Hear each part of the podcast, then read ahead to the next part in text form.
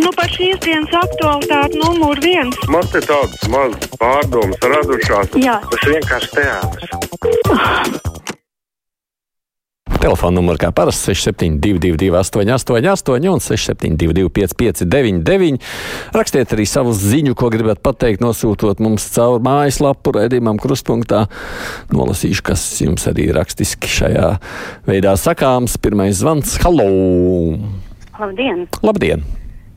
Es ļoti ceru, ka Mūrnieca kundze ir ļoti inteliģents cilvēks un atkāpsies, lai dotu vietu iekšlietu ministram Rājēvu kungam. Paldies! Nu, labi, viedoklis, kur var pieņemt uh, tikai zināšanai šajā brīdī. Tā nav šobrīd nekas no lasāmā. Turpinu nu, klausīt. Halo! Labdien! Labdien! Es gribēju jums izteikt komentāru. Respektīvi, vai Latvijā kāds zina, kā Latvijā dzīvo bērni, kā dzīvo daudzbērnu ģimenes, kā dzīvo pensionāri. Visa nauda tiek tikai Ukrainai. Bet, respektīvi, es pats vakardien pārliecinājos ar sievu, Ukraiņu dzīvo upā Lilā. Viņi saņem no valsts pabalstu 500 eiro apmērā, un par katru bērnu saņem 150 eiro, bet tajā pašā laikā mēs latvieši, respektīvi, dzīvojam uz nabadzības sliekšņa. Labi, nekomentēšu. Ir izteikts jau arī iepriekš par šo. Kā idejas vārdā mēs Rīgā piebarojam Rīgas pilsētas attīstības nodaļas arhitektus un inženierus. Rakstums Ivars, ja šie augstu mācīties certificētie būs speciālisti nav spējīgi saprast, kas pilsētas videi vajadzīgs, bet to jautā cilvēkiem, kam tā nav profesija. Tas būtu tā, ka ķirurgs jautās pacientam, kur jāgriež. Aivar šīs lietas ir nesalīdzināmas. Patiesībā šī ir ļoti ierasta pasaules prakse, un tā tas ir ar vien vairāk. Tieši iedzīvotājiem prasa, ko jūs gribat redzēt. Galvlēmumu jau beigās pieņem profesionāļi, bet ļaužu aptauja šajā profesijā ir ļoti svarīga. Halo! Jā, labdien! Labdien! Pirmā, es, es ļoti labprāt gribētu izprast, kāda ir būtiskā atšķirība starp mūsu nacionāļiem un mūsu progresīvajiem. Man šķiet, ka tas ir kaut kāds personīgs naids vienam vai dažiem uz vienam uz otru, un ka viņi tur nevar vienoties. Es kaut kā neesmu dzirdējusi no žurnālistiem izskaidrojumu. Un tādu m, pamatīgu, kur es patiešām varētu tam noticēt. Es ļoti gribētu, lai progresīvie būtu valdībā. Un otrs jautājums.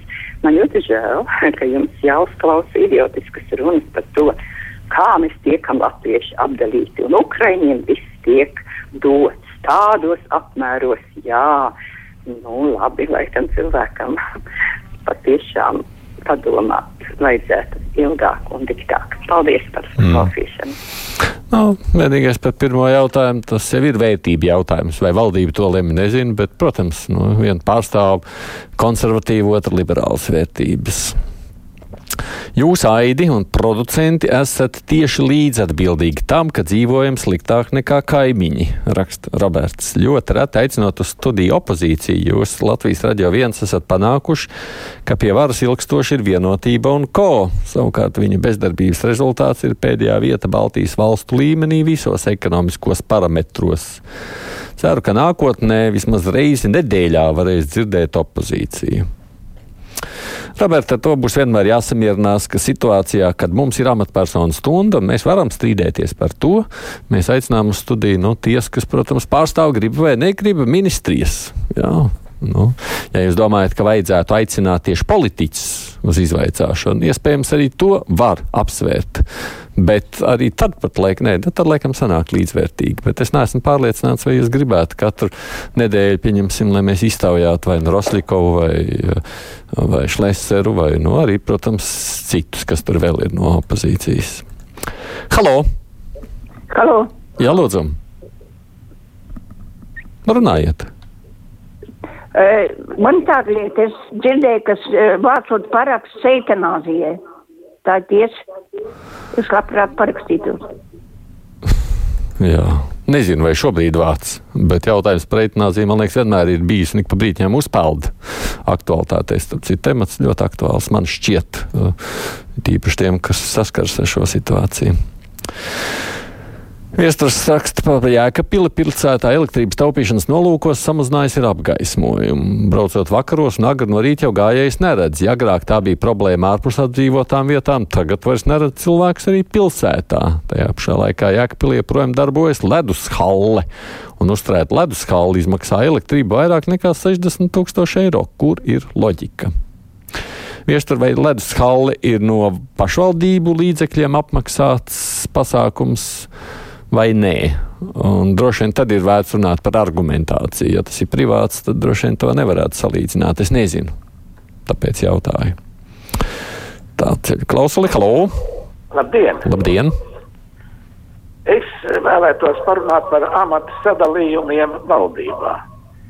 Jaunai vienotībai un apvienotam sarakstam būtu vēlams piekāpties Nacionālajai apvienībai un iedalīt izglītības un zinātnes ministra amatu tai Nacionālajai apvienībai, lai māca ne tikai latviešu valodu, bet māca arī jaunajiem censoņiem ne tikai darījuma attiecības, bet arī vienotu un nacionālu garu, kas kalpot kopējiem mērķiem. Un otrs amats varētu būt izglītības, tas ir kultūras ministra amats. Šie, šīs šī divas ministrības tandēmā nevar var strādāt, jo viena izglītība nevar iztikt bez kultūras un kultūra bez izglītības. Mm. Paldies! Jā, viss ir iespējams, un droši vien tas ir tiešām saruna jautājums, kāpēc ne. Viss cieņa tam kungam, Bērziņkungs raksta, bet taču, ja viņš būtu beidzis no kara, viņš runātu pavisam citādi. Tas attīnās to no klausītāja, kas sūdzējās par palīdzību Ukraiņiem. Bet mana mamma savukārt man lūdza raksta Vita, lai uzraksta, ka ir pensionāri, dzīvo no pensijas, kas nav liela, bet nesūdzas. Visa kā pietiek un saka paldies valdībai un ziedo arī Ukrainai. No sevis piebildīšu, ka mazbērniem vēl paklusu iedod. Halo! Labdien! Labdien! Aidi, vispirms es gribu teikt tai kundzei, kas tur ļoti rūpējās par mūsu nacionāļiem. Es neesmu no jūrmalas viņi ir kaut ko sajaukusi. Tas ir pirmkārt. Bet otrkārt, eh, ka es dzirdēju tagad, kad šitā pamat kā kaulu tiem progresīvajiem kaut kādu, nezinu, līdz šim neeksistējošu ministriju, protams, ka es arī aizietu. Vispār tas ir ļoti e, briesmīgs gājiens. Nu, negribi neņem viņu, bet šitā to var tikai nacionāļi, to var tikai nacionāļi. Kaut gan viņi 30 gados nav it neko normāli izdarījuši priekš tautas. Nu, bļāva par to valodu, nu, bļāva, nu, dabujām to latviešu valodu. Bet tālāk, kas ir tālāk? Nu, jā, paldies, viedokli sapratu. Es te droši vien savējā nespraukšos iekšā. Man sāp sirds klausoties par tēmu, ka Ukraiņu bērniem jāmācās latviešu valodā jau pirmajā dienā, raksta Armāns. Vai jūs ar savu iedomīgo prātu saprotat, kas ir karš? Iedomājieties, ja jūs aizvest uz Ķīnu un ielikt klasē mācīties, plus zinot, ka tev nav ne mājas, tavs paziņas ir nāves briesmās. Kauns par latviešiem, kas to nesaprot. Armand, ja mani aizvest uz Ķīnu, es visticamāk arī mācītos no pirmās dienas, nu, jā, ķīniešu valodā, jo neviens jau man latviski nepiedāvāt. Un tad, ja mēs varam piedāvāt tulku, tas ir labi. Neredzu tur nekādu problēmu šajā ziņā. Es īsti nezinu, kāpēc par to būtu jāsāp sirdī. Jo tā jau tas ir bijuši. Latvieši ir devušies kara gaitā, kara laikā bēgļu gaitās un tieši tāpat mācījušies. Halo! Jā, lūdzu. Jā, lūdzu. Jā, jā lūdzu. Halo. Labdien. Jā, jā. Labdien. Labdien. Es arī varu runāt. Mm droši. Nu, Halo. nu tā kā runā, es jūs dzirdu, bet Es turpiniet. ļoti, ļoti priecājos par to jauko ieteikumu.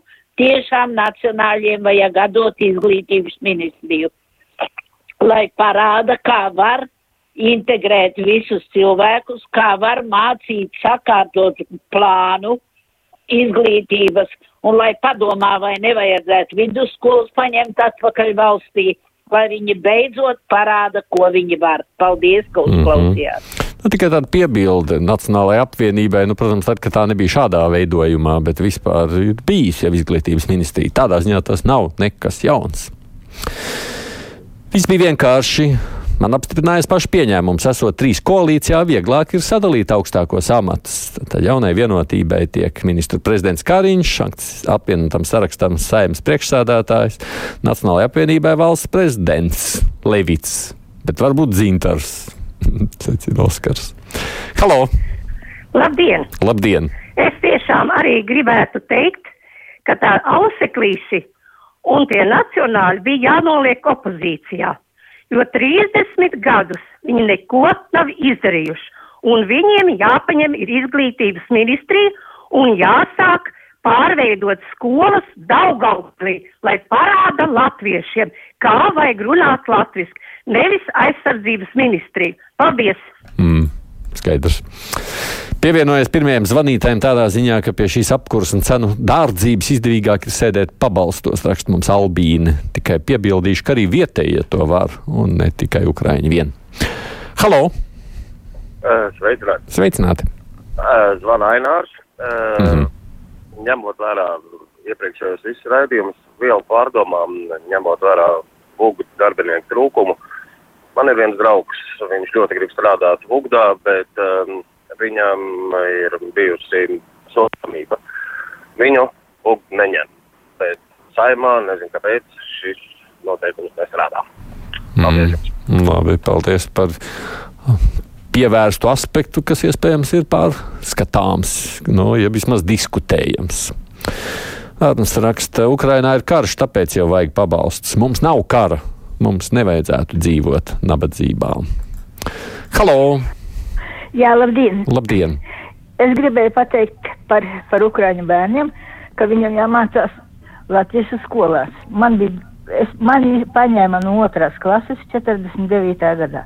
Mm. Un es uzreiz Sibirijā, kā aizvedēju, uzreiz aizgāju uz Krievu skolu. Mm, mm, es tur neko lāgus nesapratu, bet to, to pa to pavasarī es tur par tiem bērniem tur pabiju kopā. Un nākošā gadā es mācījos Krievu skolā, jā, un pabeidzu Krievu vidusskolu. Mm. Nu, nu, tā. Kāda tāda arī latviešu vēsture, ka mēs esam gājuši paši cauri. Kāpēc progresīvie vārdi brīvība mēģina pārdefinēt par naida runu, vai tā nav kaut kāda viņu izdomāta cenzūra? Mums te raksta viens klausītājs. Halo!